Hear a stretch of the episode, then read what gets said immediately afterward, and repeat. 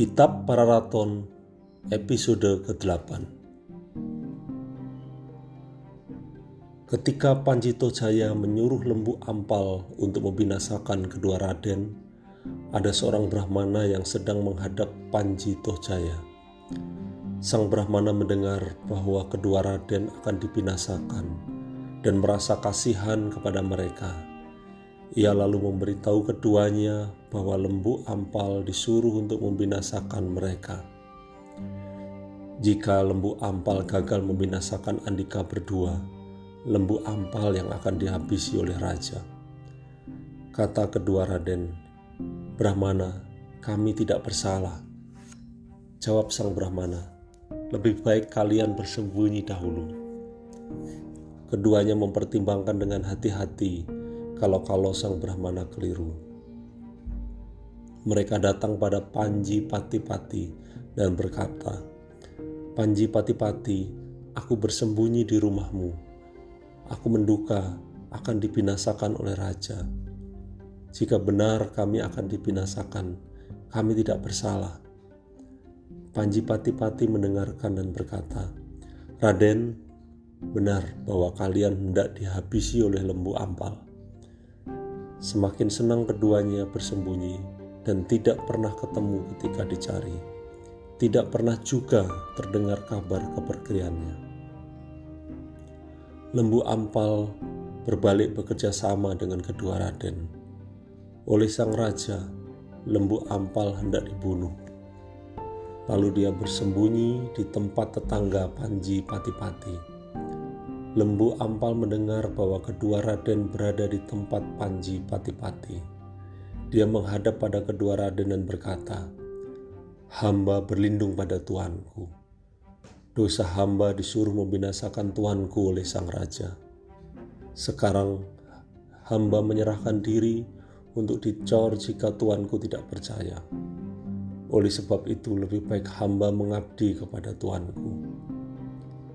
Setelah dicor selama dua hari, lembu ampal menghadap kepada kedua raden dan berkata, Apa perintah tuanku raden?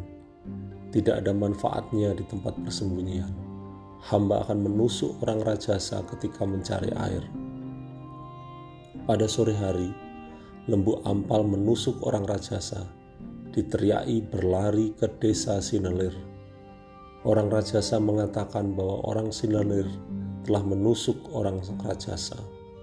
Sekitar dua hari kemudian, orang Sinelir ditusuk oleh lembu ampal.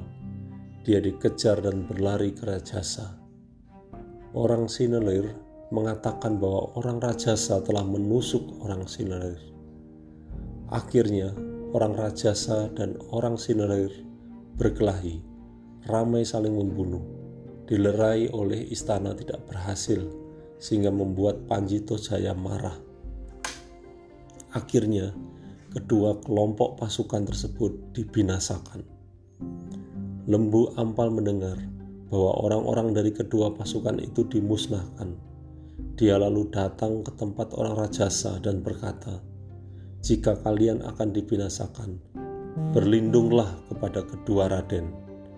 Datanglah kalian menghadap kepada raden." Orang Rajasa menyanggupi dan berkata, Hadapkanlah kami orang desa ini. Lalu dibawalah pemimpin orang-orang Rajasa menghadap kepada kedua raden. Orang Rajasa berkata, Paduka tuanku, hamba orang-orang Rajasa mengabdi dan menerima segala perintah hamba. Hamba bersedia dicor jika pengabdian hamba tidak tulus. Pemimpin orang Sinelir juga diundang sama kesanggupannya dengan orang Rajasa. Kedua pasukan dipertentuk dan sudah diperiksa. Mereka juga dipesan, besok sore datanglah ke sini dengan membawa pasukanmu masing-masing dan menyeranglah ke dalam kedaton. Setelah itu, orang Silelir dan Rajasa berpamitan. Pada sore hari, kedua kelompok datang membawa pasukan mereka menghadap kedua raden dan setelah saling mengenal, lalu berangkat menyerang ke dalam kedaton. Panji Tojaya terkejut dan berlari sendirian. ia ditombak punggungnya tetapi belum tewas. Dicari oleh pengawalnya, digendong, dan dilarikan ke Katang Lumbang. Celana pengusungnya tersingkap dan terlihat pantatnya. Panji Tojaya berkata kepada yang memikul, Rapikan celanamu, pantatmu terlihat.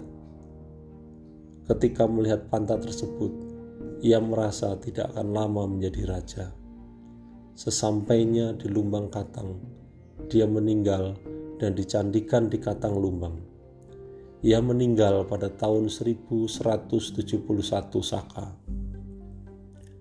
Ranggawuni lalu menjadi rasa bersama Mahisa Cempaka seperti sepasang naga.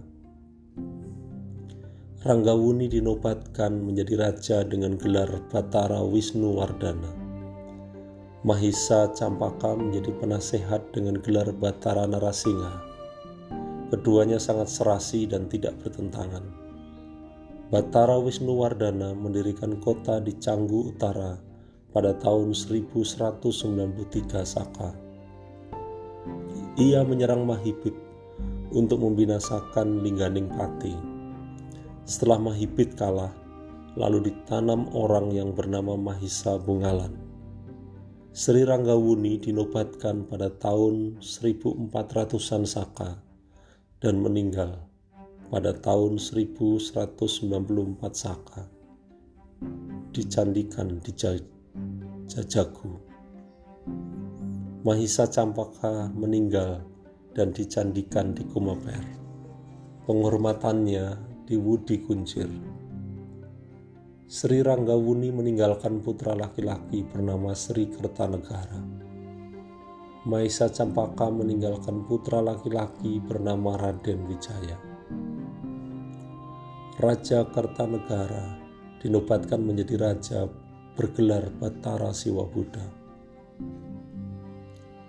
Seorang pembantunya, tetua di Nangka, bernama Banyak Wide, diberi sebutan Arya Wiraraja.